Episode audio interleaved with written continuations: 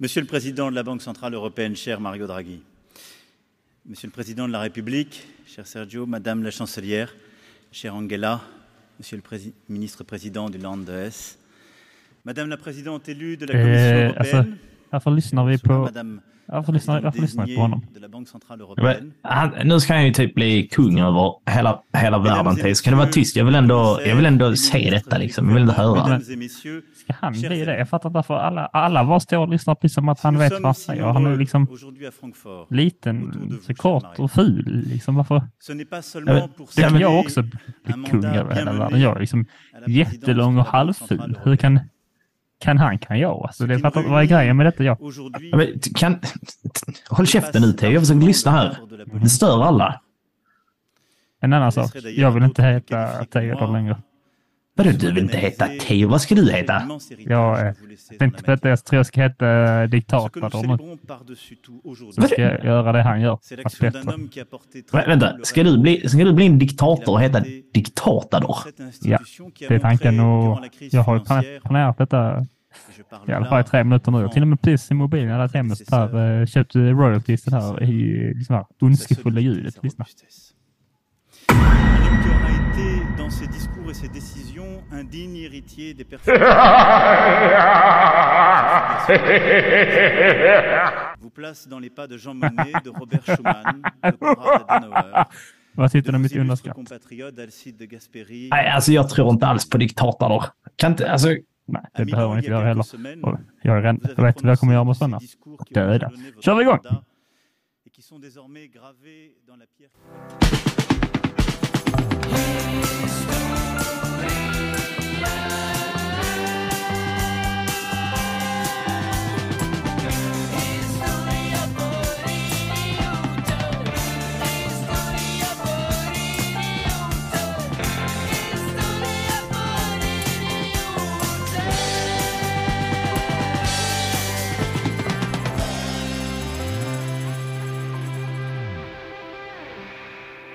Hallå allesammans och hjärtligt välkomna till podcasten Historia för idioter. En podcast om historia på ett lättsamt och roligt sätt. Och nu under stormen Hans, mycket daterat redan på 30 sekunder, så är det bara, ska vi sitta och spela in det sista av våra somriga avsnitt.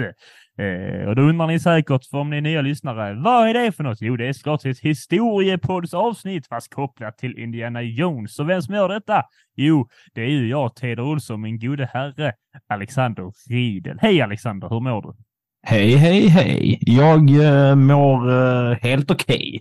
Wow, rapidly, rapidly roll. Rap, rap, rap. Jag har hört att man ska vara eh, transparent i radiomediet, säga exakt vad man känner och tycker. Och då är det så att det är helt okej. ska man verkligen det? Eh, nej, jag tycker inte att man ska det. Man får sälja illusionen lite. Men eh, som du säger, eh, Hans, han har eh, kommit och alla är lika eh, besvikna som eh, alltid annars. Och stormen är ju också här. Hans Hasse Backe kommenterar fotboll blir man så lika besviken. Ja, det är viktigt för honom att man skjuter straffarna med vänsterfoten, för då går de oftast in. Eh, det brukar han säga. Och, eh, jag kommer ihåg starkt minne av eh, när någon sköt en straff över målet och han säger den var för hög. Och man bara, ja det var den. Expertkommentator. Och ett tal innan jag frågar hur du mår, för att det här är en viktig fråga efter det, det jag har, har sett här. Ja, nej. På tal om expertkommentarer. Jag sitter, sitter och scrollar på telefonen, går in på Boomer-appen Facebook för att se vad händer där för kul. Ja. För, eh, det vet ju alla att det är ju först och främst liksom så att det är medelålders människor och uppåt som använder Facebook och skriver lite inlägg och ställer lite frågor. Helst i någon form av lokalgrupp Ja, ja. grupper med hyfsat smala teman. Då ser jag att jag får ett rekommenderat inlägg från Facebookgruppen Fåglar i Skåne. Shoutout! Då ser jag det här meddelandet. Hej! Någon som vet vad det här är för fåglar? Glad, glad smiley ja. Och så är där Det som ett trevligt meddelande. och så är det här två, bil två bilder eh, på en, vad som ser ut som en päronbuske med gröna fåglar i som då är fint eh, markerade med någon sån här röd eh, färg som man då lagt till i efterhand. Och då tänker jag, vad är det för jävla mupp? Och så säger man, ja det är ju Theodor Olsson som har varit och postat det här. Så nu är Ah, frågan, fan. hur, hur mår du egentligen? Jag mår-? Jag mår jättebra för att jag äntligen fick svar på mitt mysterium. Det började redan för, ja vad kan det vara, förra veckan jag sitter här hemma och eh, i balkongdörren öppen utanför där är det ett äppleträd och då hör man något konstigt fågelljud. Och jag är ju farligt nära och, eh, eh, att bli, vilja bli fågelskådare. Va? Eh, så här, inte så här nära ska man inte vara. Jag är inte ens i närheten, men jag är ändå farligt nära. Det är inte, eh, det är inte långt kvar nu, men tänkte vad är det för konstigt läte? Jag går ut och kollar. Ja. Då fan ta mig är där en liten grön fågel. Ja, vad fin den var. Tänker jag Får stå och titta lite här. Kommer de med själv en till. Sen en till. Så tre. Vad fan? Jag känner inte igen de här fåglarna. Det är ingen vanlig fågel. Nej, ja. Så jag tittar. Vad fan? Ah, googlar så. Grön fågel i Sverige. Nej, det är ingen av dem. Sen flyger fem av dem iväg. Det är alltså fem stycken sådana där i. Ja, så har jag gått och liksom legat sömnlös i kanske en vecka över det här, Alexander. Ja, och tänkte jag, det får jag väl aldrig reda på, men jag måste veta vad det är. Googlat flera gånger. Gröna svenska fåglar. Och jag har googlat tre, fyra gånger. Varit Säpo och tänkt att ja, han kanske inte kommer att spränga någonting, men han är ju spritt språngande galen. Eh, och sen jävlar i det kommer de fan till mig igen nu häromdagen. Jag tänker, ah, det här är ju en skänk från ovan va? Nu måste jag ta tillfället Ja, det var det. De, de hör ju oftast hemma där i ovan. Tog jag då tillfället i akt va? Kunde inte ta min sopiga iPhone 11, ta, zooma in där på ett grönt träd med gröna fåglar. Det var bara ett grönt blurr. Ah, vilken tur jag hade att eh, min eh, älskade sambo är ju så Apple-frälst så har de dyraste och finaste sakerna. Va? Tog man hennes telefon, mm, bra kamera, fotar man där tänkte man ja, fick i alla fall en fin bild jag kan skicka till min kompis och fråga, vet du vad detta är? Klart han inte visste för att han är heller inte sjuk i huvudet så man vet bara inte det.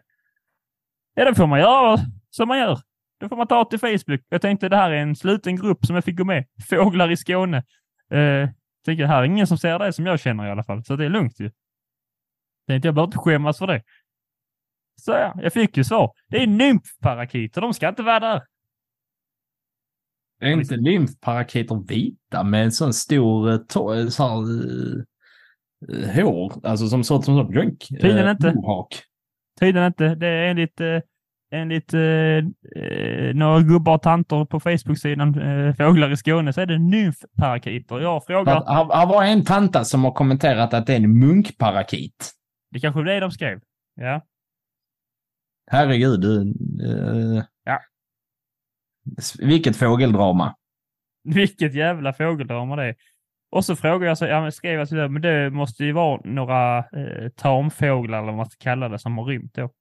Men då är det någon annan eh, nisse som har skri skriver liksom eh, eh att eh, men det har ju häckat ett par sådana här eh, i Kävlinge. Och vad fan betyder det? Jag har ingen aning. Betyder det att vi har alltså sydamerikanska fåglar i Sverige nu? Det betyder ju bara att underjorden är nära, ungefär lika nära som när diktator börjar ta makten. Ja, så nära hoppas vi att vi aldrig ska komma undergången igen. Men eh, vilken bra eh, och tragisk historia. Men det funkar ju. Eh, det funkar, eller du, du vill, vi kanske ska fråga dig också, fastän vi inte vill veta svaret. Hur, hur mår Theodor idag? Nej, men det, vi ska ju vara transparenta och säga att det... Och där var Theodors segment slut.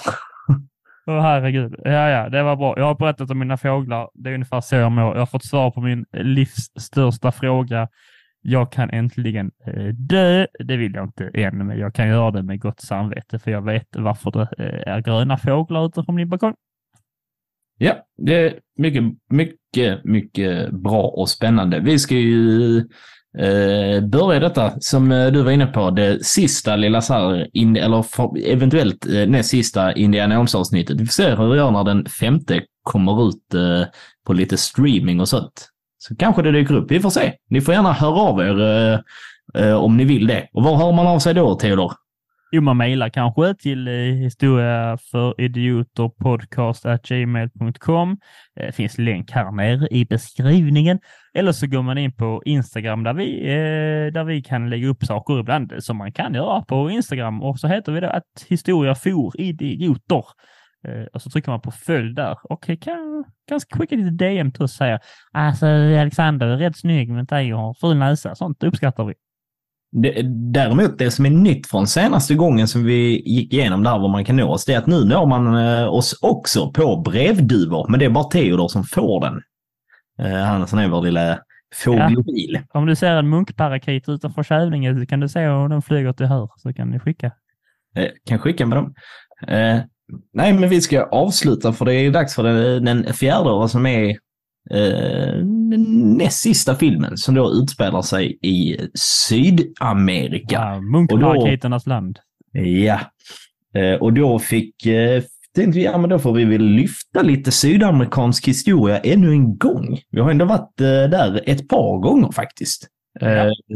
Jag tror detta är tredje gången.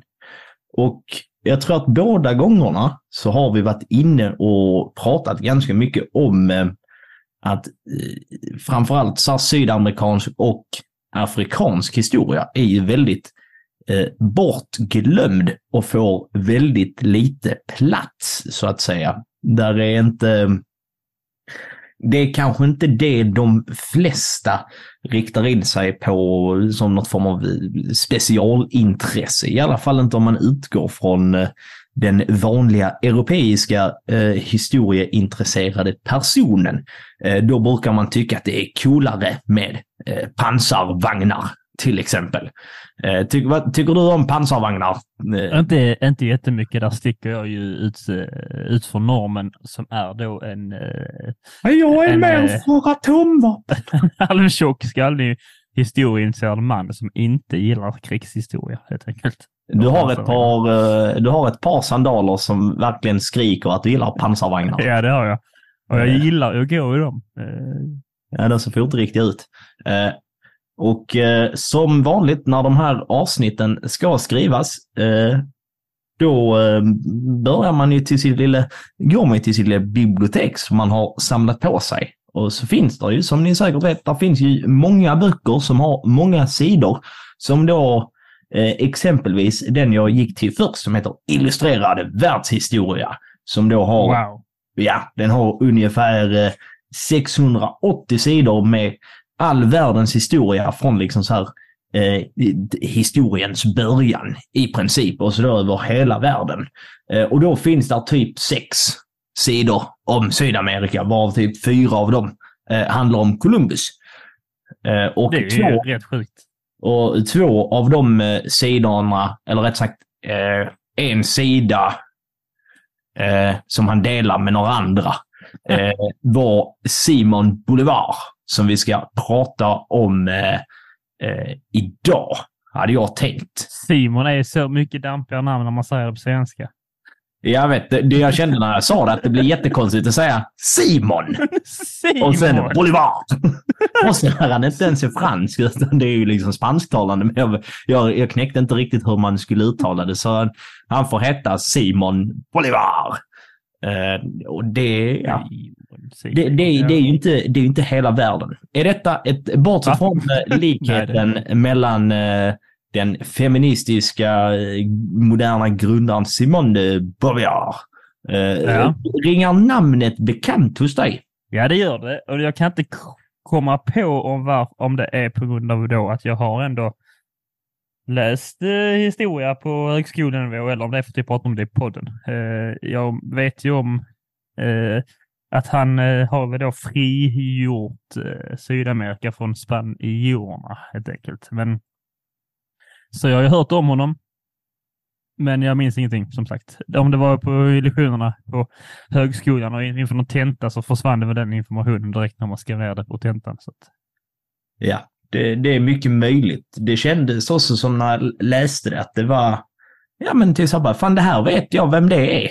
Och sen bara när man tänkte, nej, det, det vet jag inte.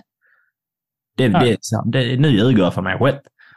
Uh, men han är då känd under namnet El, El Libertador. Eh, Hej! fri, fri, eh, frigöraren. Frigörador. Eller The Liberator. Om man Ja. är lite så här mer eh, att man gillar Avengers och superhjältar. Diktators goda tvilling. Eh, ja, det är skönt för det kan inte vara mycket undare än diktator. Du har så mycket blod på dina händer. Eh, Det är väl inte jag som... ja, just det. Ni är bara väldigt lika i syn på människor. Eh, Fan det här eh, som vi ska prata om idag, det blir eh, tämligen övergripande. Jag kommer försöka att använda lite så här för att göra det lite tydligare att hänga med, liksom så här att vi utgår ifrån vad motsvarande regioner eller länder eh, heter idag. För att under den här tiden, det är i, under tidigt 1800-tal, och vad, vad händer lite under 1800-talet när man ändå pratar om nationer, Theodor? Vad som händer under... Ja, det är, det, det, är lite, lite nationalism som börjar koka i olika vrår. Ja. Ja, så det är Det är- lite, lite bråkigt det här och var. Det är inte så trevligt. Jag vet inte vad du är ute efter. Du tog på bara det, var, det, var, det, det var det jag var ute efter. Det är Men så dumt att jag alltid försöker, det är som att gå i skolan, men så tänker vad vill läraren att jag svarar, tänker jag. Så jag känner alltid så, Och vad tänker du Theodor på tidigt 1800-tal? Vad stilig du är i skägget Alexander! ja men det, det, det kan väl folk känna sig igen i, vet, när man går i skolan och får en fråga liksom och okay, vad vill läraren höra nu? Kanske inte, man tänker inte på vad som är sant, utan man bara säger, eh, det här är nog det han letar efter. och så så Ja, får jag typ samma tendens när du ställer mig frågor. Det är jobbigt i privatlivet också. Hej, hur mår du? Uh, vad fan vill läraren? uh, bra, dina lektioner är bra. Ja, ungefär så är det. Eh, så att vi, den här lilla berättelsen utspelar sig från eh, så här, eh, Simon Börjar föds i slutet av 1700-talet. eh, och dör sen ungefär vid 1830. Eh, Så att det är de åren vi har att eh, bolla med i stort sett, eller förhålla oss till. Tänker så att vi Det är får- mina bästa år. Ja, det är dina bästa år, det brukar vi säga. Eh, han kommer ifrån en väldigt förmögen familj där man under flera generationer har tjänat pengar på sockerplantager och gruvdrift. Han hade också turen att han kunde eh, passera lite som alltså så här, spanjor. Eh, och att han hade spanska liksom så här, släktingar, vad det verkar som. Då kunde man få lite så här frisedel och lite andra fördelar. Eh, Så att han var ju inte spanjor i den meningen. Han bara råkade bo under deras styre.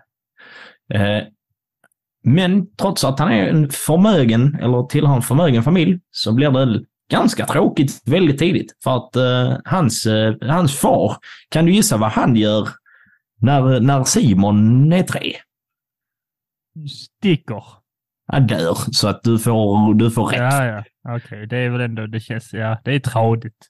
Ja. Innan du fortsätter fick jag lite så Vietnam-flashback till antingen podden eller skolan. Eh, så jag, säger, jag bara säger en sak. Är det svensk koppling till detta? Inte vad jag har Nej. äh, grävt fram. Nej, är synd. Jag tror det är det nämligen. Ja, det är faktiskt mycket möjligt. Eh, Jag utesluter det inte.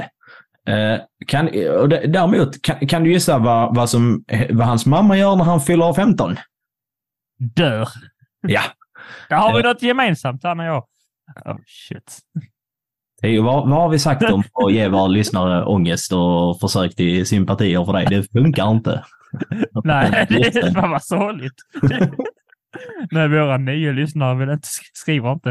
Och det värsta är, det är ju oftast, det, inte ens din mamma skriver och säger något. Eh, han eh, kommer att uppfostras av sin farbror Don Carlos Palacios och slavinnan Hippolyta.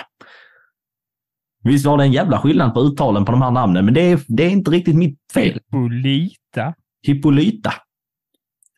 Eh, och att... Starkt att du inte reagerar på att han väx, så att en förmögen man ändå växer upp med en slavinna, men det är ju bra av dig. Den moderna människan Theodor som Ja, tolererar att folk är slavar. Man, kan- man kan väl eh, liksom så reagera utifrån tiden vi pratar om. Det är inte jättechockande. Nej, nej, ja, fast det är det väl lite. Eh, Ja, ja. Jag Men- tyckte mer att eh, hans namn, eller hon Hippocolyta, lät mer som ett sånt eh, salvnamn man köper för att man har fått blåsor. Ja, det kan du nog ha en poäng i. Eh, hon är ganska viktig i den här historieskrivningen om eh, Simon. För att han anser att hon är den enda faren som hon har känt. Eh, och det är tack vare henne och liksom så att han växer upp och då ser liksom så här, hur hon har det som man utvecklar den här lite modernare synen vad gäller frihet och jämlikhet. Så att den kommer därifrån. Så, eh, av vår miljö ibland. Eh, Just det. och Ibland. när han då är eh, runt 15 års ålder eh, så skickas han till Spanien för att slutföra sina studier. Och i Mexiko, då Jösses. nös du. Ja, jag nös. Jag är nej. mot Spanien. Det är så att Nej. du sa det så... Yikes. Fan, att, inte, att du döljde det så bra ljudmässigt. För jag tänkte Så, innan... så sa du det ändå. Jag, jag, ah, Ja, ja, men det, jag tror du fick en stroke eller någonting. Men jag tänkte innan idag att du, du nyser så himla roligt. Så tänkte jag så här, det var roligt om du gjorde det i podden någon gång så man kan mobba dig för dig. ja, och då kunde jag det, inte släppa, nu när du nös i podden kunde jag inte släppa det när jag tänkt på det innan. Men i alla fall, i eh, Mexiko, alltså Mexico eh, City ungefär, i det som då kallades för nya Spanien, eh, så träffar han vicekonungen. Eh, som blir, eh, ja, då, som blir oroad över Simons positiva syn på USA. aha. Ja. Frigörelse, tänker de då. ja. Alltså de där borta, va? de som har störtats för sina makthavare. Jag gillar dem. ja. Så sa han på svenska och vicekonungen sa ”Que pasa?” Eh, Sluta. eh, under den här resan så kommer han också att eh, gifta sig. Kan du gissa hur det slutar? Död. Ja, hon dör.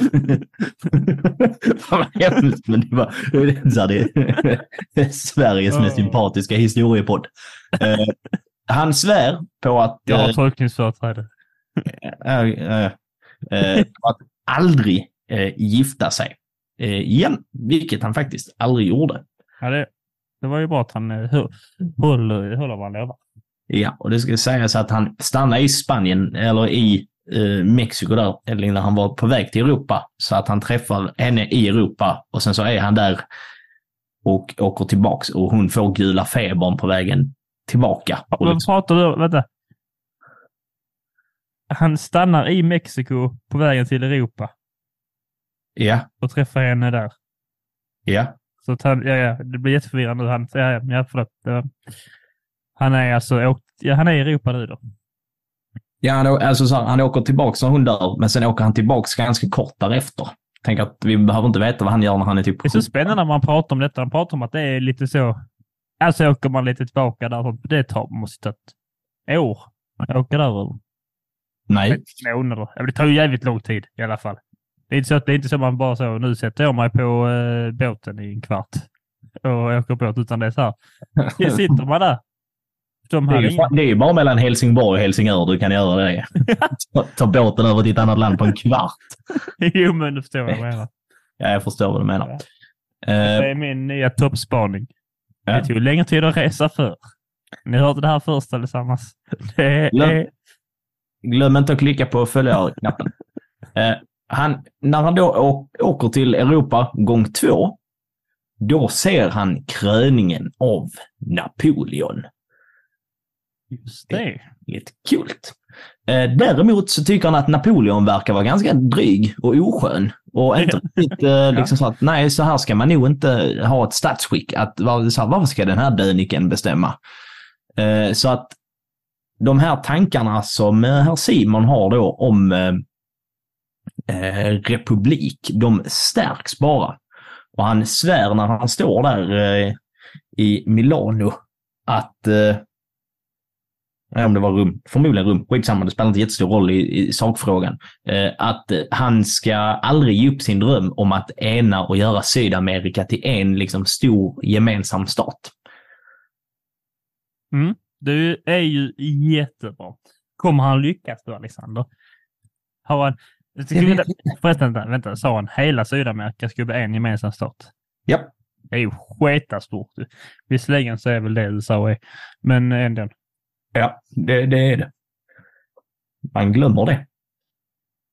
Uh, that's today's lesson kids. Är, han, eh, är det han som eh, upphovsmakaren till namnet Bolivia? Ja. Wow, quick maths. Ja, det är fa- faktiskt väldigt, det var snabbt av dig. Eh, år 1808, då blir Napoleons bror Josef utsedd till kung i Spanien. Vilket gör spanjorerna eh, ganska arga. Och eh, sydamerikanerna är ju redan arga på spanjorerna, så att Ja. det blir lite bråk. Eh, så att span vissa spanjorer och vissa sydamerikaner ger lite så att de går ihop. Eh, av helt olika anledningar. För att spanjorerna vill störta Josef och de amerikanska som är där vill störta spanjorerna i helhet. Vilket är så här, det är lite roligt ändå. Va? När, när man tänker så här, det, det, Det är roligt. Jag har fått ologiskt, men jag fattar. det, Ja. det, det är ju lite som så här om Polen skulle gå ihop med nazisterna. Nej. Typ så här, för, att, inte. för att störta att, att nazisterna har tagit Frankrike. Bara. Jag vet inte varför, men det kan inte vara en rimlig liknelse. Det måste Nej. finnas någon smartare än vi som kan säga att det inte är en rimlig liknelse. Men Det är ingen jätterimlig liknelse, men det var kul. Ja, det var det. Eh, De, ville väl de, de gick väl... Alltså, kaos i Spanien är väl bra om man vill störta Spanien, helt enkelt. ja, det brukar vara så. Mm. Eh, det, känns ju enklare. Eh, ett par år senare, vill du gissa på ett år? 1700... Nej, inte, om, om det nej, Theo, om 1808 och sen är det ett år senare, då är det inte 1700. Jo, men ja, ja. Förlåt. Nej, det är sant. Eh, 1812. Ja, nästan 1811. Vilken jättedålig eh, poddsegment.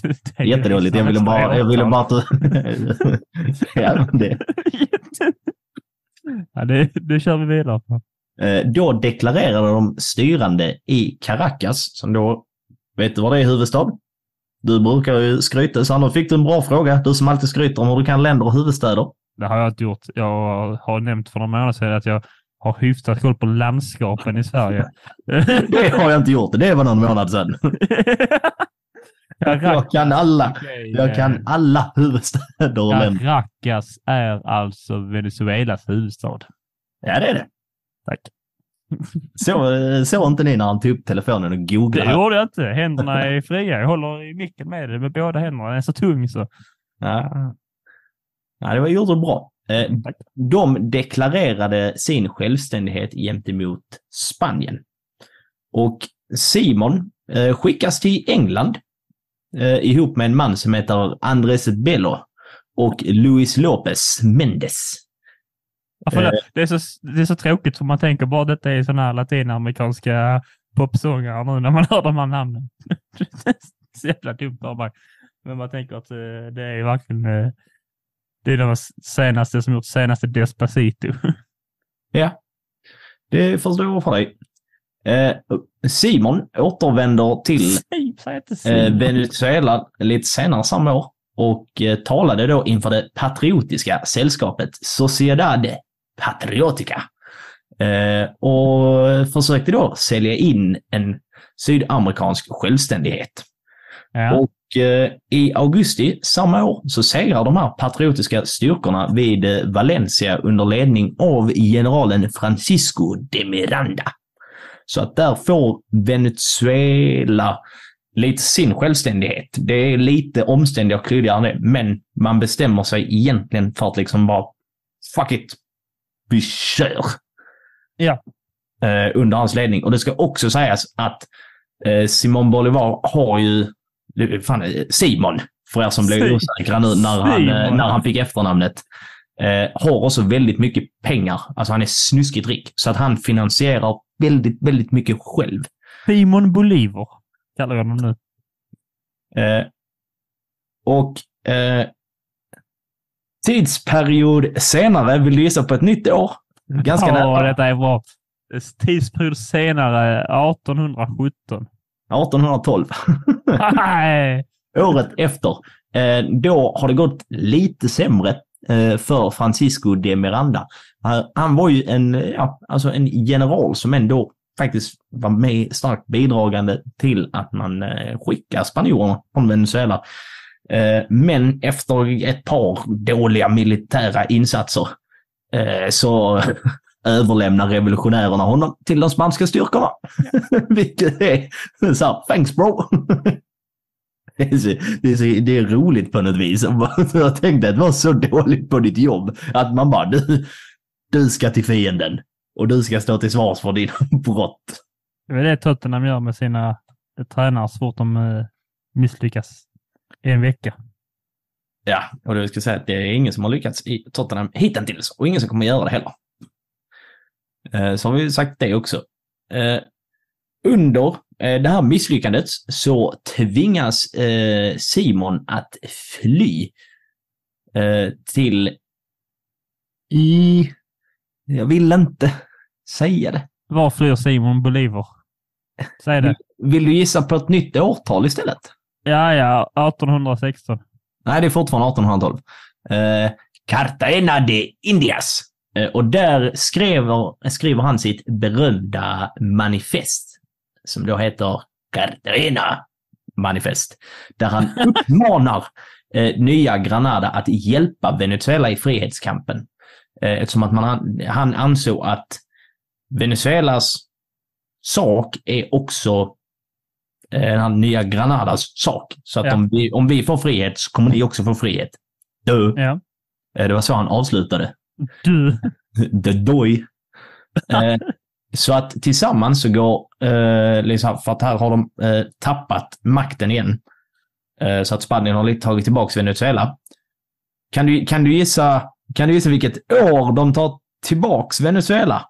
1812. 1813. Ja. Eh, så att han går in i Merida den 23 maj och utropas till befriare av folket. Det är lite ballt. ja, det är lite ballt faktiskt. Eh, och den, eh, i, juni där så utropade Bolivar krig in till döden för friheten. Och sen intar han eh, Caracas i augusti. Och ett par dagar senare så uppför man det som kallas för Venezuelas andra republik. Ändå inom loppet på två år. Ja, två republiker. Ja, det är ändå Det är starkt. Eh, Eller det är inte starkt, det är ju svagt till att börja med. från båda, ja. kan jag tycka. Känner att har man tagit det så bör man vara lite mer rädd om det. ja, det är lätt, Om- om lätt man- för oss att sitta och säga, men skulle någon... Om, Te- Theodor, om du snor en bil och du trycker upp en nyckel, eller så att du gör en ny nyckel till bilen, då lämnar du inte nyckeln i bildörren. Nej, Nej. Då tar ju ägaren tillbaks det. Ja, det är sant.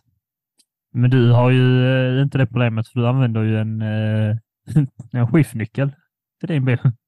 Ja, det gör jag. Jag tycker att vi låter det vara osagt, för det är helt sant. De, de som undrar kan fortsätta undra.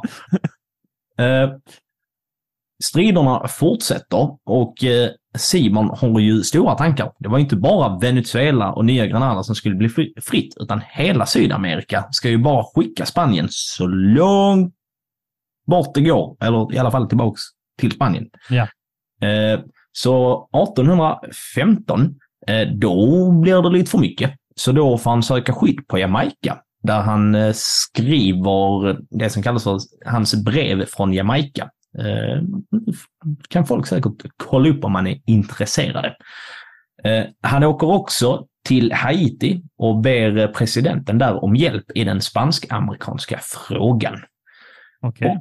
Med lite hjälp och förmodligen lite väntan och säkerligen lite magkatarr eh, så får han med hjälp från Haiti liksom så här, återvända till, Sydamerika för att fortsätta kampen. Eller han får väl få hjälp in och alltså så här, komma in. För att Haiti tillhör väl, eh, du som är geografilärare, det är väl tillhör Ja, väl Sydamerika. Centralamerika är det ju. Så att, Ja, ja, ja. eh, så, ja, det gör Ja, det. ja, men alltså så här, det, det är ju inte, det, han är ju inte på andra sidan världen på det viset. Nej. att Det är fortfarande close by. Vi, även om vi heter historiefidioter så tycker jag ändå vi kan ha lite krav och anta att våra lyssnare ändå... Mm. Du kunde inte gissa rätt på årtal, så att jag ville att du skulle få svara på Eh, en jag tänker kunde. att de kunde, alltså att de förstår att Haiti... Eller alla kanske inte gör det. Jag kanske inte ska... Jag, jag tror bara högt om er. Men eh, Haiti ligger hyfsat nära. Hur, hur lång tid skulle en båtresa ta från Haiti till Sydamerika? Ja du, det vet jag inte.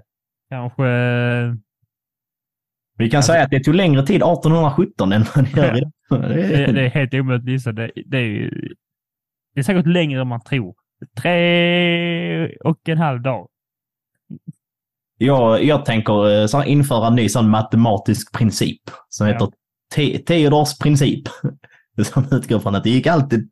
Så om man ska resa någonstans så ska man veta att det tog längre tid på 1800-talet. Ja, det, det är ju sant. Ja. Eh, I augusti år 1819, eh, vid det som kallas för slaget vid Boyacha, eh, så sker en stor seger för Simon och revolutionsstyrkorna. Ja. Och samma år så bildar man, eh, det där blir också Angusta, Ang, jag ser knappt själv vad jag har antecknat här och då har jag ändå skrivit på datorn. Eh, Det är ju djupt tragiskt. Angusta. Angusta Q, Ang, Angustrock kongress, en kongress! Som låter som en Angusburgare.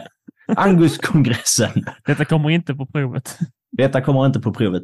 Eh, som då grundade Storcolombia. Eh, som var en federation med repu republikerna Colombia, Venezuela, Panama och Ecuador. Mm. Och som utsåg Bolivar till president. Ja, Det var en sån grej. Det händer ändå grejer. han börjar, han börjar få sin eh, dröm här nu. Det blir Ja. republik. Och vad, vad brukar eh, rent historiskt hända? Att när de som har blivit förtryckta, när de får makt, vad brukar de hitta på då? Ja, de förtrycker de som förtryckte, förtryckte dem. Nytt verb hittar på det också. Ja. Eh, Det beskrevs som att han eliminerade den royalistiska oppositionen. Nej. Det, det känns väldigt... Jag vet inte varför, men eliminera känns som... Det känns mycket mörkare än att bara säga att han bara dödade dem. Det känns mycket mörkare. Eliminera är verkligen att ta bort från jordens yta. Ja, det känns som att han gick upp i rök. Rökte ut dem bokstavligt. Eh, Jag tänker mig som i Blipp. Att de försvann i sån, eh, som Blipp, den där Blipp i Avengers-filmerna. ja, Att de bara psh, lite så. står där Eh. ljudet. Eh, under eh, åren där ja, man fortsatte helt enkelt eliminera på dem. Och efter en ganska stor seger över de spanska styrkorna vid slaget om eh, Picnica, Pichnia, något åt det hållet. Eh, det i eh, maj 1822 så blir norra Sydamerika faktiskt helt fritt från spanskt styre. Hurra! Och efter eh, den här segern så kunde då Bolivar eliminera ännu fler eftersmältare. Haha. Han var eh, känd för att vara ganska eh, oskön gällande motståndare. Eh, det ska De vara... brukar väl vara det, va? De här som Ja. vill ha makten. Även för det, god, det goda saken brukar ju vara Ja, ganska eh, osköna. Det ska ha varit eh, en jordbävning eh, något år. Eh, och där han sen såg till liksom att bara alla de spanjorerna som inte hjälpte till, de skulle dö. Ja. Och sen blev de eliminerade. Då hade man koll på vem som var Det undrar jag också. spanjor och inte spanjor. Som sagt, poddens gamla devis, ett administrativt helvete. Men eh, han löste det säkert, annars dödade han säkert bara de som var spanska. Ja, jag tänkte det kanske inte var jättebra koll, liksom. Inte jättenoga. Bara de som såg mer spanska ut än andra. Jag vet inte om han pratade dialektalt förmodligen kanske. Test. Cerdo hola eller hola. Han bara, okej. Helt fel. Det var helt fel. Jo. Eliminerad. Efter den segern så förberedde Bolivar sig för att, eh, Simon eh, förberedde sig för att marschera med sina styrkor över Anderna och befria Mm. Peru. Det är någonting otroligt eh, eh, trevligt när, eh, nu ska vi se, vad heter det? När folk går med militärer över bergspass på något vis. Det är lite roligt. Så Det, det är så Ja. Jag bara, jag bara tänker att de går och sjunger liksom ramsor tillsammans sånt på en liten... Jag vet inte varför jag tänker det, men jag tänker det. Ja. Jag kommer också utsikt att tänka på de här, eh, var det Hannibal och hans eh, elefanter? Ja, ja, men exakt. Det är lite det jag tänker. Så att det, det känns som en så galen grej att göra. Bara du, ska vi gå över berget istället? Så vi måste dit för jag vill bli liksom boss där också. Du vet de här feta bergkedjorna emellan då. Vi går. Ja, vi löser det. Eh, och i- slutet på juli 1822 så håller eh, Simon eh, och en man som heter José San Martin tre olika sammanträdanden för att diskutera strategin för att befria Peru. Och ingen vet vad som sades vid de här hemliga mötena. Det enda man vet är att de var inte riktigt helt överens om hur det skulle gå till eller vem som skulle få vad av att göra det. Men då kommer jag med häpnadsväckande nyheter, Theodor. Vi sant? har, en, vi har hittat en hemlig ljudinspelning. Ja. Det är inte så rätt. Att det, Eh, Ska du klicka på play-knappen? Ja, jag trycker eh, alldeles strax på den ska vi se här. Och ja, jag trycker på den här. Mm.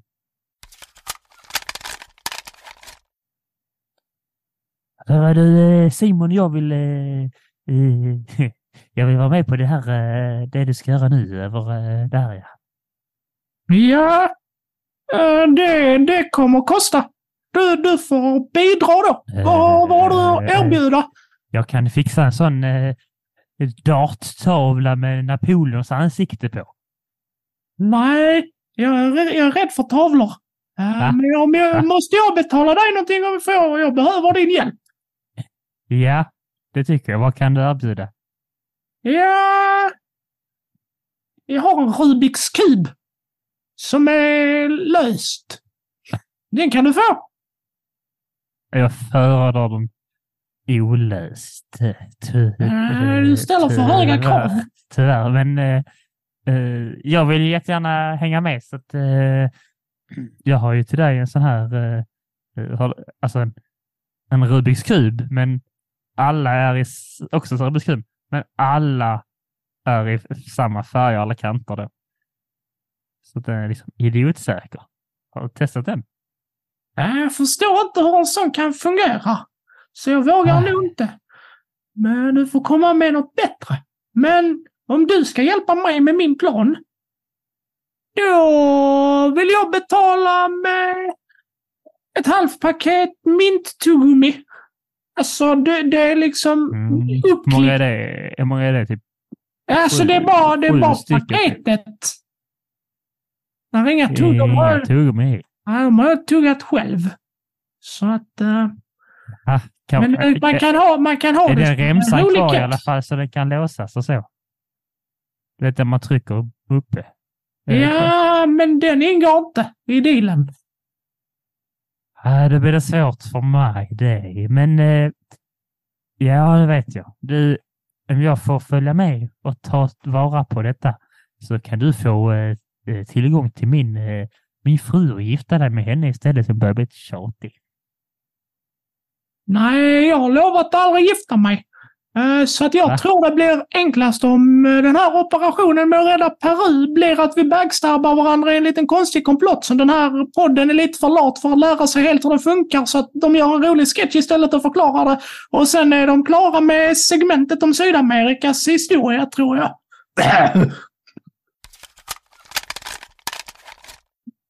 Ja, om du undrar hur vi får tillgång till de alla ljudinspelningarna så vet inte vi det heller. Jag bara dyker upp mitt eh, datorskrivbord. Ja, det är faktiskt helt otroligt. Men där fick jag reda på det. Eh, och också att eh, hela den här lösningen med Peru och eh, grejen mellan eh, eh Simon och eh, José San Martin är lite komplicerat. Eh, men eh, 1823 i alla fall så tar Simon kommandot eh, över invasionen av Peru.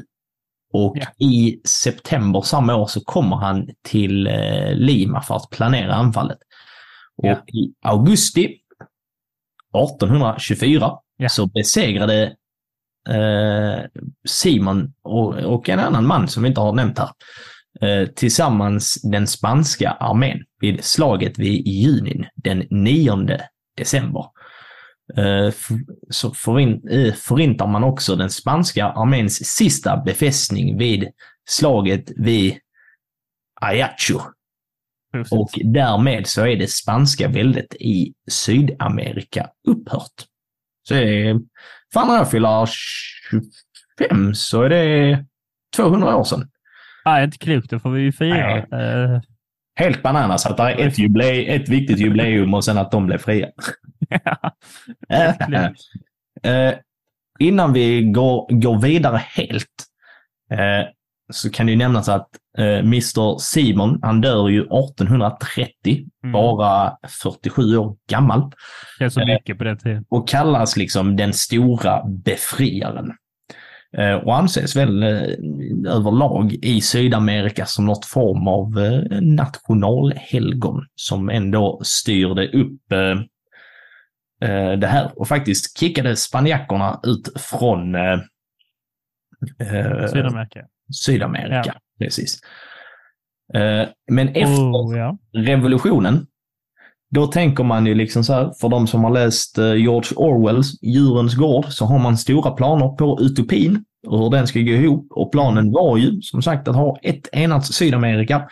Men bland annat Simon själv tyckte att nej, där finns ingen bra demokratisk ledare, så det är lika bra att jag gör det. ja. Vilket det. känns som vanligt förekommande och var väl också lite det typ Napoleon gjorde, om man ska hårdra honom. Eh, och till slut så blir det ju liksom så att det blir ju mindre stater. Känns som det är väldigt lätt hänt. Eh, hade det varit så idag så känns det som att liksom det hade kunnat finnas ett program som heter Diktatorfällan. När man får sådana revolutionära liksom, eh, ledare som vill befria landet. Så bara så, ja, kommer det, kommer det hem någon skallig man som är bra på det här med eh, eh, diktatorer och bara så, ja nu är det ju Simon, nu ser jag här att du har ju du har ju inte koll på hur du bestämmer här. Du har ju fallit i den så kallade diktatorfällan. Har du inte, eh, har du inte koll på dina värderingar längre Simon? Simon, vet du hur många människor du dödar på ett år? Vet du det Simon? Mm. Ja, det, är inte så, det är inte så många. Ja, då har vi en kalkyl här. Så att dina 25 om dagen, det sticker ganska snabbt när man gångar det med 365. Och sen dessutom har du tagit sms-mord som gör det ännu snabbare och ännu mörkare. Jaha. Jag tycker Ja. också att man kan introducera programmet Vem vill bli dikta- diktator? Om man svarar rätt, eller att man bara ska svara fel på frågor om mänskliga rättigheter. ja, just det. Men också att när du svarar det så händer det. Så är du, är du beredd på att offra så här många av... Här, du måste offra en etnisk minoritet. Vilken väljer du? A, B eller C? Mm. Bara, Sitter Simon där och bara, ja just det. Får jag ringa en vän? Eh, fråga, fråga publiken. Drar man det kortet så är man eliminerad. Just det, då är man ingen diktator. Och man kan inte ringa en vän heller. Man, just det. Kan man få 50-50? Ja, men då är det två grupper. ja, ja. Nog tramsat om det. dödar de två grupper för att man ska välja den tredje som ska bli dödad. Ja. Nu har, vi, nu har vi ändå lärt oss lite mer om hur eh, Sydamerika eh, blev så som vi känner och ser det idag. Det är också mycket tack, eh, så man kan i alla fall utåt, sen är det klart, kan man lite mer om vad vi två kan om sydamerikansk kultur. Den är ju ganska liksom så likartad och språken är också väldigt likartade. Vilket kan då kopplas till att man har haft det spanska inflytandet liksom så pass länge. Eh, Ja. Så det är väl kanske kulturellt lite eh, flytande över gränserna. Men jag Ja, tyckte i alla fall att det var roligt att få lära mig lite mer om hur det gick till. Eh, Jag hoppas att du också tyckte det, Theodor. Ja, det tyckte jag absolut. Det var, det var mycket trevligt att bli hånad för sina fågelbilder, men sen också lärd om fåglarnas hemkontinent. Så det var trevligt. Ja. Ska vi ta och hoppa vidare till recensionen av den fjärde Indiana Jones-filmen? Ja, det, det, det låter väl inte mer än lämpligt och den eh, utspelar sig såklart i eh, Sydamerika. Eh, därav eh, kopplingen då. Ska vi göra som de andra att jag eh, eh, liksom bara säger mina anteckningar och så utgår vi från det eller? Jag tänker att du först, för där är ju kanske de som inte har sett Indiana Jones och Kristalldödskallens rike, som den fjärde filmen heter. Så vi kanske ska förklara den i korta drag, göra en liten sammanfattning. Så det kan du, kan du få stå för. Ja, men det är ju så här enkelt att eh, ja, som vanligt så börjar det med att det är lite eh, action och sen råkar ju Jones vara i mitten av det. Eh, Eh, och sen helt plötsligt får, eh, är han i klassrummet igen och så får man eh, lära sig att eh, äh, han fick fanta mig eh, sparken här nu, för på grund av det som hände här i början, utan att spoila för mycket, eh, så får han inte jobba kvar längre och måste då helt plötsligt fly från det FBI. Eh, stöter han på en liten ung man som berättar om en vän som har försvunnit. Ah, då får vi hitta honom såklart. Eh, för att han, den här vännen som försvunnit är då ut eh, försök och eh, ta reda på den här eh, kristalldödsskallen. Så i vanlig Indiana Jones, eh, vad heter det? Anda. Anda så hi- ska man ju rädda någon. Men man kan lika bra hitta den här grejen på vägen. Ja. Eh, Den här eh, filmen kom ju också, jag tror den hade biopremiär 2007 eller 2008. Åtta. Vilket var den eh, första Indiana Jones-filmen som jag såg på, såg på bio. Så då har jag förmodligen varit nio, förmodligen var jag nio då, som att jag fyller år i december. Ja. Mm. Så att det är ganska långt för att den tredje filmen som vi pratar om, den är släppt 89. Så att det är ett ganska stort eh, gap mellan de här Ja, filmerna. det får man ju säga. Eh, och den har ju tagits emot på lite olika vis. Jag tänkte jag ska nämna det först innan vi kommer in på dina anteckningar. Eh, jag som är ett eh, internettroll eh, och hänger lite så här i forum. Så man nu när man haft Indiana Jones-suget och liksom varit så inne i det så har man kollat i lite trådar. Och när den här filmen kom, den är enormt eh, hatad av communityt. Men där är också några som nu nyligen har börjat vara liksom så att ja men nu liksom så att folk väntar ändå så pass länge på en ny. Och sen kom den och var lite undermålig, men den är inte så dålig som folk tror. Och jag såg den ju som liten, då tyckte jag den var skitkul för jag fick se Indiana Jones på bio. Mm. Och sen när jag såg den när jag typ gick i gymnasiet, då var jag lite såhär? Bara så här, nej, det här var inte roligt. Eh, Så det var tredje gången som jag såg den. Så får vi höra vad jag tycker när vi utgår ifrån Theodors anteckningar. Eller du, du får gärna berätta vad du tyckte först. eh, Ja. Eller vad Eh, du vill göra. Det är upp till dig. Jag kan säga så här, jag tyckte det var... Så, alltså det, som äventyrsfilm så är det lite sak, alltså det håller, det håller fortfarande. Helt okej, äventyrsfilm. Sen har jag teori på varför det känns så dåligt. Alltså det är lite muppigt det här med Eh, utomjords... Eh, alltså det, blir lite, det har ju varit lite övernaturligt i alla filmer, men det här blir lite mycket kanske. Sen är det en känsla av att, alltså, att det är ju bättre liksom CGI, eller man ska säga, i detta här, för att det är en av de gamla filmerna, men jag tror det gör att det ser sämre ut. På något vänster. Ja, alltså de andra grejerna är ju eh, gjorda ganska mycket praktiskt. Exakt, och jag tror Alltså det... att det är riktiga scenerier och att man är på plats. För jag kände det direkt i början av filmen när de kommer, de kommer till ett stort eh, hemligt militärhangar.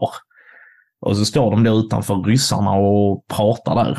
Och det enda jag kunde tänka på var typ bara, fan vad ni, alltså så här, det syns så tydligt att ni inte står vid, alltså så här, ni är inte ens utomhus. Eh, Nej, exakt. Och det, det, det blev lite... eh, Jag vet inte. Det, det, det bidrar ju mer när liksom de, de första filmerna, även när det är konstgjorda då, eh, ansikten som smält sånt fortfarande ser liksom man ser att det man ser tydligt att det är fake, men det, det bidrar till filmen ändå, för man, det är liksom praktiskt gjort och det är också ett lite nyskapande för sin tid. Ja, det, Men- det har så, eh, förlåt att jag avbröt igen. Vad skulle du säga? Nej, men jag skulle bara säga det, men för att nu när man liksom ser vissa scener här, biljaktscener och sådana, så ser man uppenbart att bakgrunden bara är liksom bilder. Typ. Ja. Det, Eh, det, ja, det, är väl, det är väl det som jag tänker ta ner det. Sen storyn i sig är väl, ja det får väl sina nackdelar där också med hela avslutandet och det blir lite extremt, eh, vad heter det, utomjordiskt så att säga. Men nog om det. Vi tänker vi går igenom mina fantastiska, jag har några små tankar på olika scener och sånt som jag tycker var komiska. Så. Ja. Eh, Och som sagt, nu, nu är den här filmen typ 15 år gammal, men eh, spoilervarningar för er som vill gå in och se den blankt. Gå och gör det, kom tillbaka och lyssna på våra anteckningar, för att nu kommer vi säkert spoila hej vilt mer än vad vi Ja. redan har gjort. Ja, det blir det väl. Eh, då har vi då öppningen då. När man går in här i, eh, man får se de här eh, liksom, eh, ryssarna som man först tänker är amerikanska eh, flottan. De är ju förklädda till det. Äh, flottan, amerikanska militärer som kör in typ på Area 51 liknande ställe.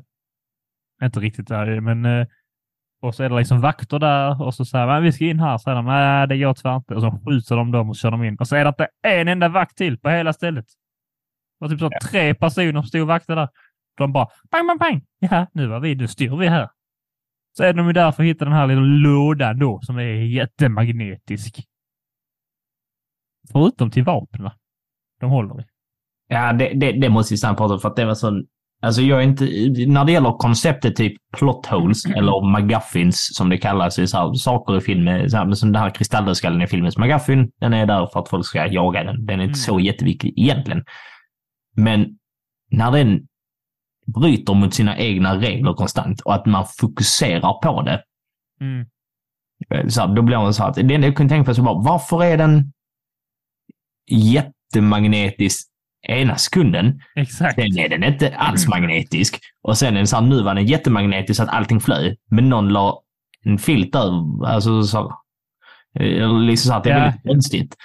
Det är väldigt Eh. konstigt och liksom det börjar ju med att han, att han liksom kastar eh, liksom kru- krut, för det är ju metall i det, så flyger det som ett dammoln över hela rummet för att det är så himla magnetiskt. Men när den är framme då, framplockad, så står folk bredvid med ett jävla svär, eh, vapen, så ser man den bara, ah, de drar lite i det bara. Det känns som att det borde vara... Ja. Eh, Men det vi behöver stanna med där, det är en liten bagatell. Jag noterar också att det tog 17 minuter att betala de här filmerna är direkt in i action och det gillar man ju. Jag Ja. älskar det i alla fall. Eh, Och det tog ju 17 minuter som sitter Indiana Jones på en jävla raket. Och skjuts iväg i någon tunnel där. Eh, Det är bara, det sånt är trevligt. Det är fortfarande Indiana Jones liksom. Ja. Eh, Så det, det, är därför filmen håller ändå liksom, för det är fortfarande Harrison Ford på en raket. Och, så att, vad mer kan man begära helt enkelt?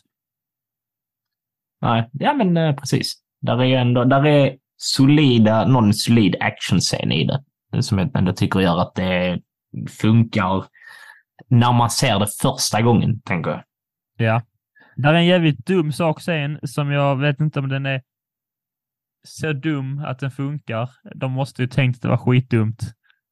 Alltså, de, också en av scenerna som ser riktigt fake ut. Är det kylskåpet? Ja, det är det. Ja.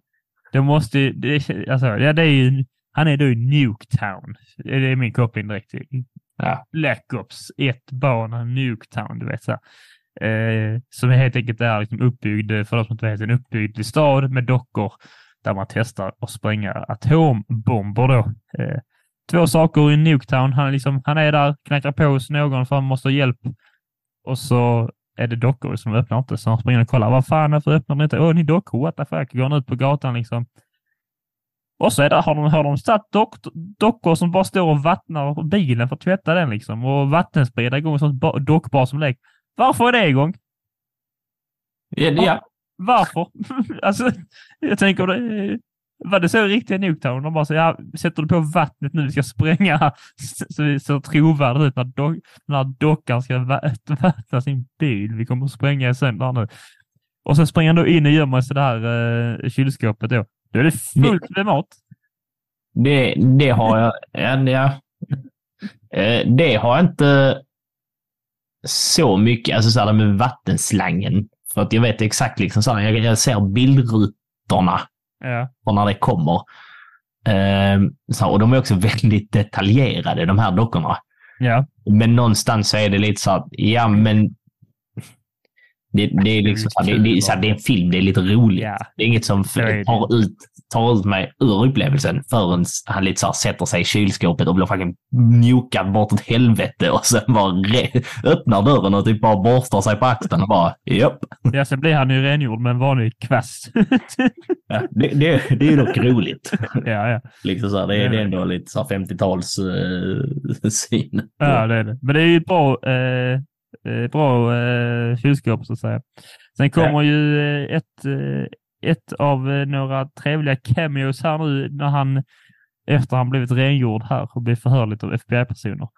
Det är ju då vaktmästaren för Scrubs som står och eh, frågar honom varför han eh, ja, är där helt enkelt. Ja, det, det tänkte jag att det här kommer Theo gilla. Ja, det gör så jag har ingen aning vad skådespelaren heter. Han är vaktmästaren för Scrubs.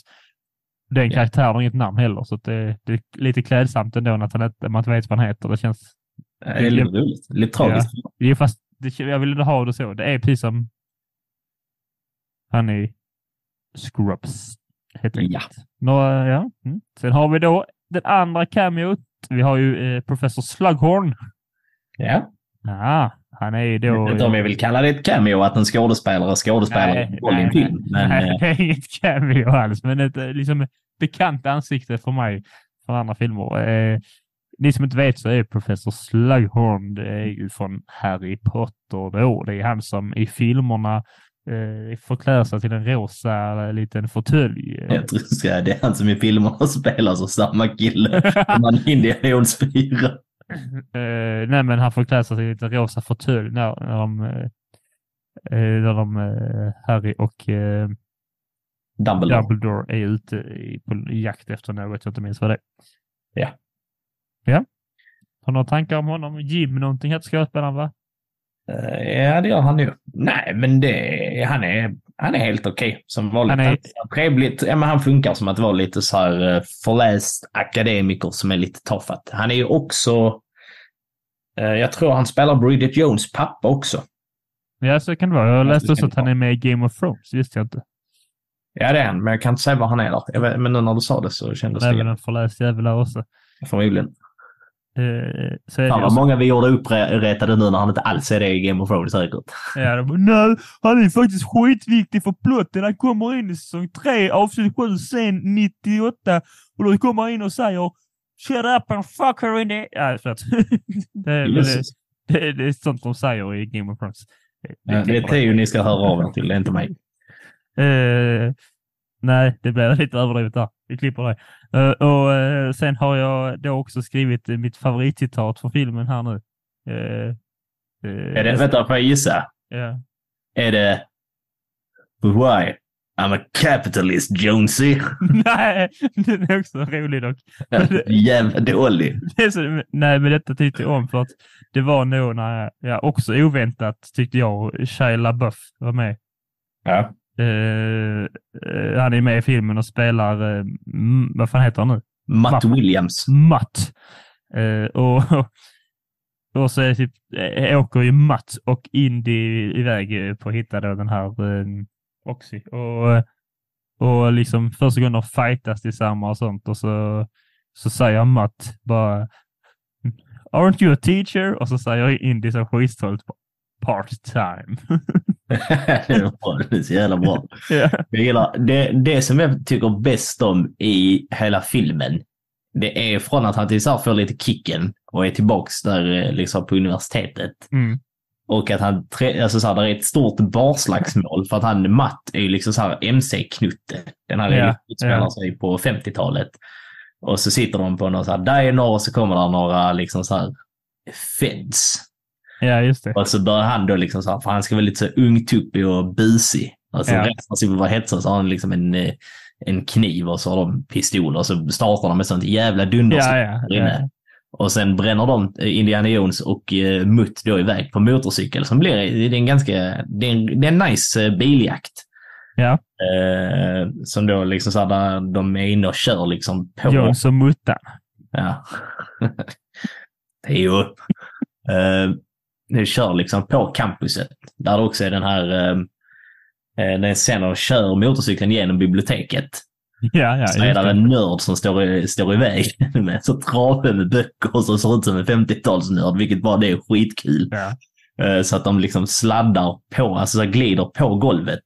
Och så under bänkarna så är det en kille längst bak som bara trycker undan. Och att han bara kollar upp lite från boken, kollar på Indiana Jones och ställer en fråga om liksom så här, en tenta. att han är helt seriöst svarar på den. Det är bra. Är det han, säger? ju typ eh, så, det viktigaste du kan göra är att gå ut ur biblioteket. Ja. Eh, De, det, det, är de bästa typ tio minuterna av filmen. Alltså, jag är, så att allt annat kan vara utan, men den, se, den sekvensen gillar jag väldigt mycket Ja, faktiskt. det var väldigt bra. Det var väldigt bra. Och sen eh, eh, så tyckte jag scenen med... ja, Nej, okej, det var lite framkrypt. Det var som att de liksom... Med scenen när de fastnar i det här eh, sandslukhålet. Ja. Det är som att de har kommit på efter filmen och bara just det, vi har inte här någonting med med ormar. Ja. Vi får ha en där, så då ska han bli uppdragen med ett rep, från, så är repet en orm. Och så är bara det, ah, nej, kan du säga att det är ett rep så kan jag ta den. Okej, ta repet. Ja, okej, det är bra. Ja, ja men det, det håller jag nog med om. Uh, faktiskt. Sen är det jävligt kul, men han heter han eh, Oxy, heter han va? Ox. Oxley. Oxly var det ja. Ja. Han, eh, han är så jävla rolig. Alltså, det känns som att han hade lätt dag på jobbet varje dag där. Han säger inte så mycket, han bara ser förvirrad ut och bara så eh, eh, Tree falls, tree falls. och sen, sen bara, Udda, udda för de som inte har sett filmen men ändå lyssnar på detta. ja, ja. Men det, Bananas film är det. Det är men, det. men det var ändå god. Eh, sen har jag även skrivit det här med bättre CGI i det gamla, liksom så, men det är det ju inte, men det känns bättre. Typ. Och så har jag gett den tre av fem helt enkelt. Eh, men vi ska ju prata lite om det här. Eh, jag var ju för upptagen att kolla på den i slutet när jag antecknade, men det är lite, ballar lite väl. Va? De hittar ju den här staden då, Eldorado. Ja. Varav kan vara den första filmen jag såg på bio, den tecknade Eldorado faktiskt. ja, det är mycket möjligt. Eh, så den här staden har guld då och så visar att den, eh, de här dödskristall, eh, kristalldödskallarna är ju då från eh, utomjordingar då och så måste, ska de sätta tillbaka den där nere i Eldorado. Och så bara eh, så gör de det, så bara blir det ett jävla rymdskepp med alla de här dödsskall, 13 stycken av det. Så bara flyger allting upp och alla försvinner och hon, eh, ryskan, eh, bara blir helt så, brinner, hennes ögon brinner inifrån. Och det var, man bara, vad i helvete händer nu? Ja, Och de, och de bara tittar alltid till henne bara så. Så alltså, de lämnar inte ett ord efteråt heller att det har hänt. De bara, Nej. ja ska vi gå eller? Nej, det blir mörkt snart. Ja, okej. Eh, det- jag har dels, jag tycker liksom så att hela mysteriet och eh, själva vad de jagar är ganska så här oklart och typ sen bara, äh, nu ska de bara, nu ska de bara ha den. Eh, liksom så här, det, och det är bättre att de har den, ryssarna har den.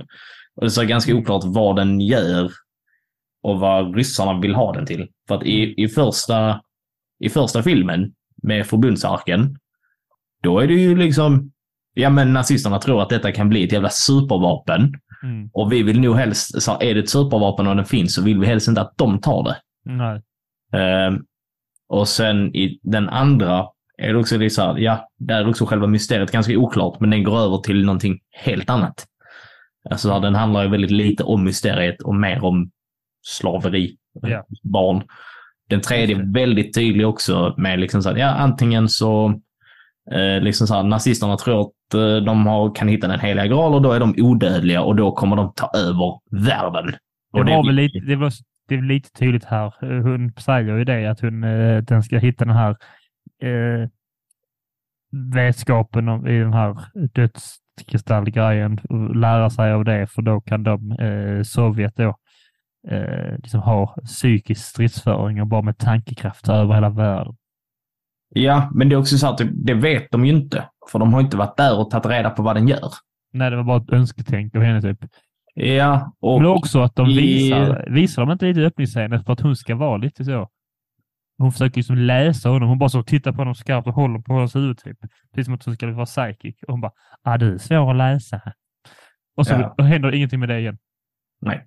Eh, Det är också, det är så konstigt att i den tredje filmen så finns det också lite den att skatten hör ihop med övriga berättelsen om att den kan laga allt. Eller så att den kan hela allt och den helar också Indiana Jones och hans pappas förhållande. Ja. Men här när de typ bara, ah, the treasure was knowledge.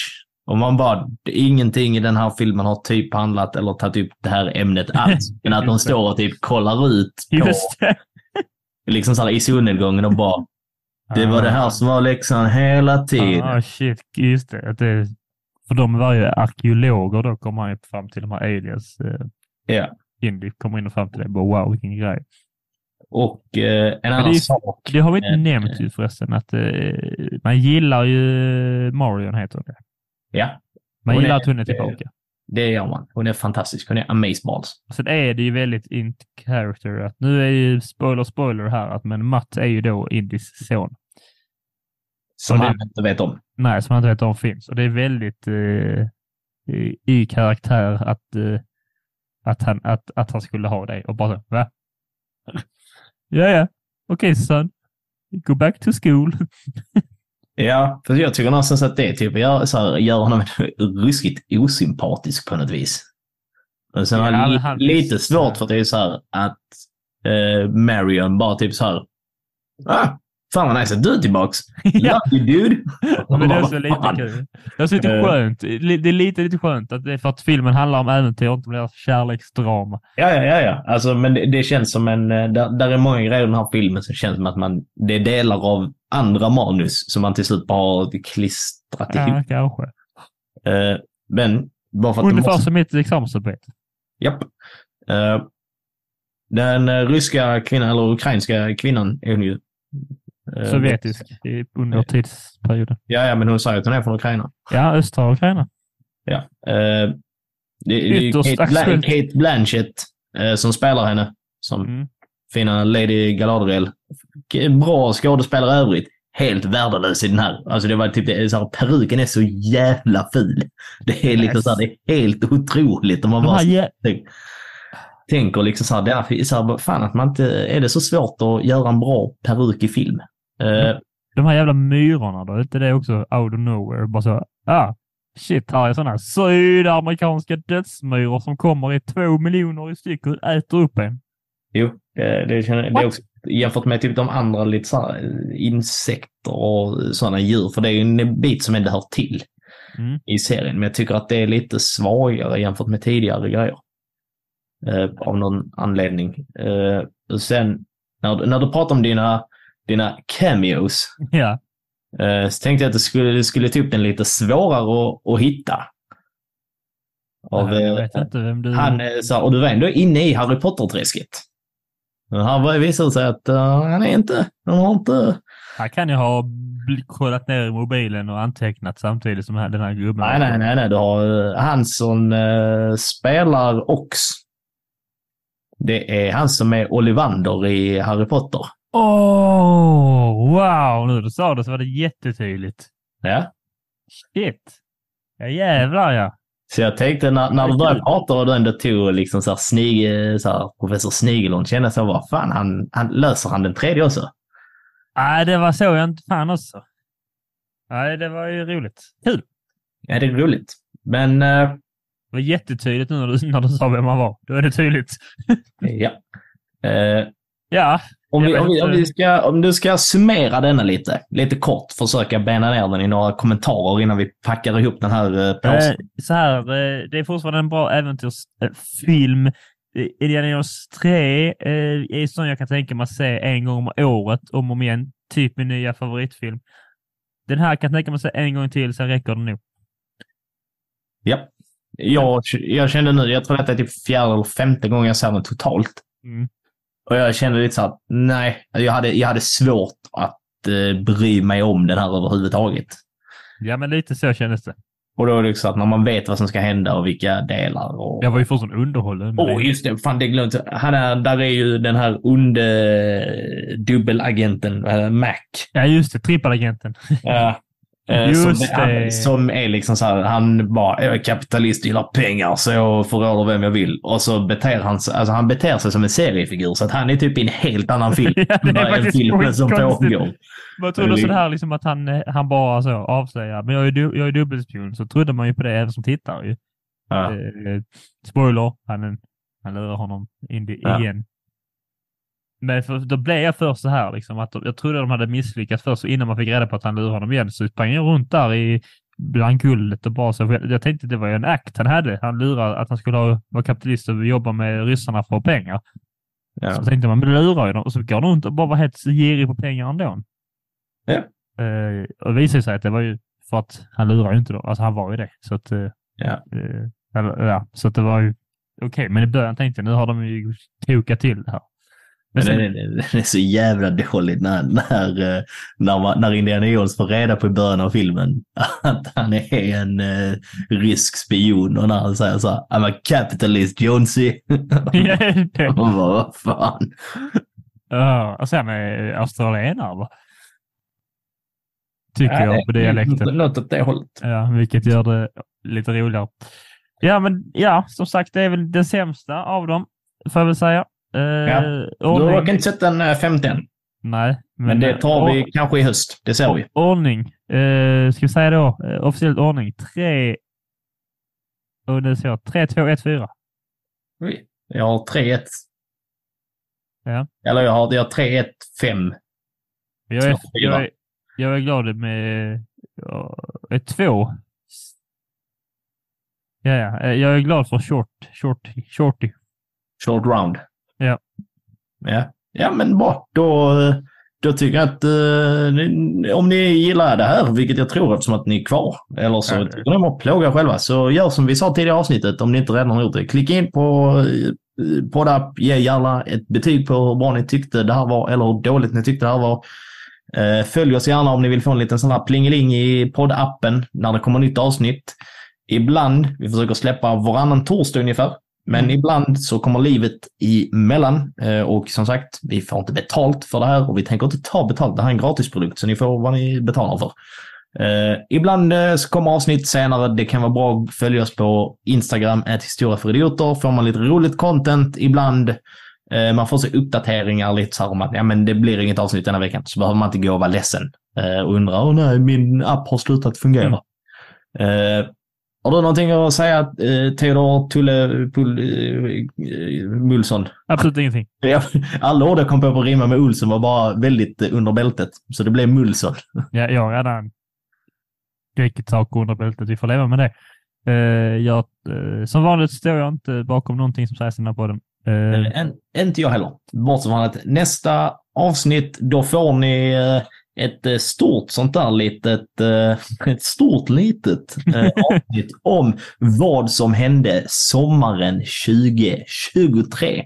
Och därefter så blir det väl vad som kan kallas för lite vanligare avsnitt ett tag framöver. Det kommer ni inte vilja missa. Så med det, om du inte har någonting att lägga till, absolut inte.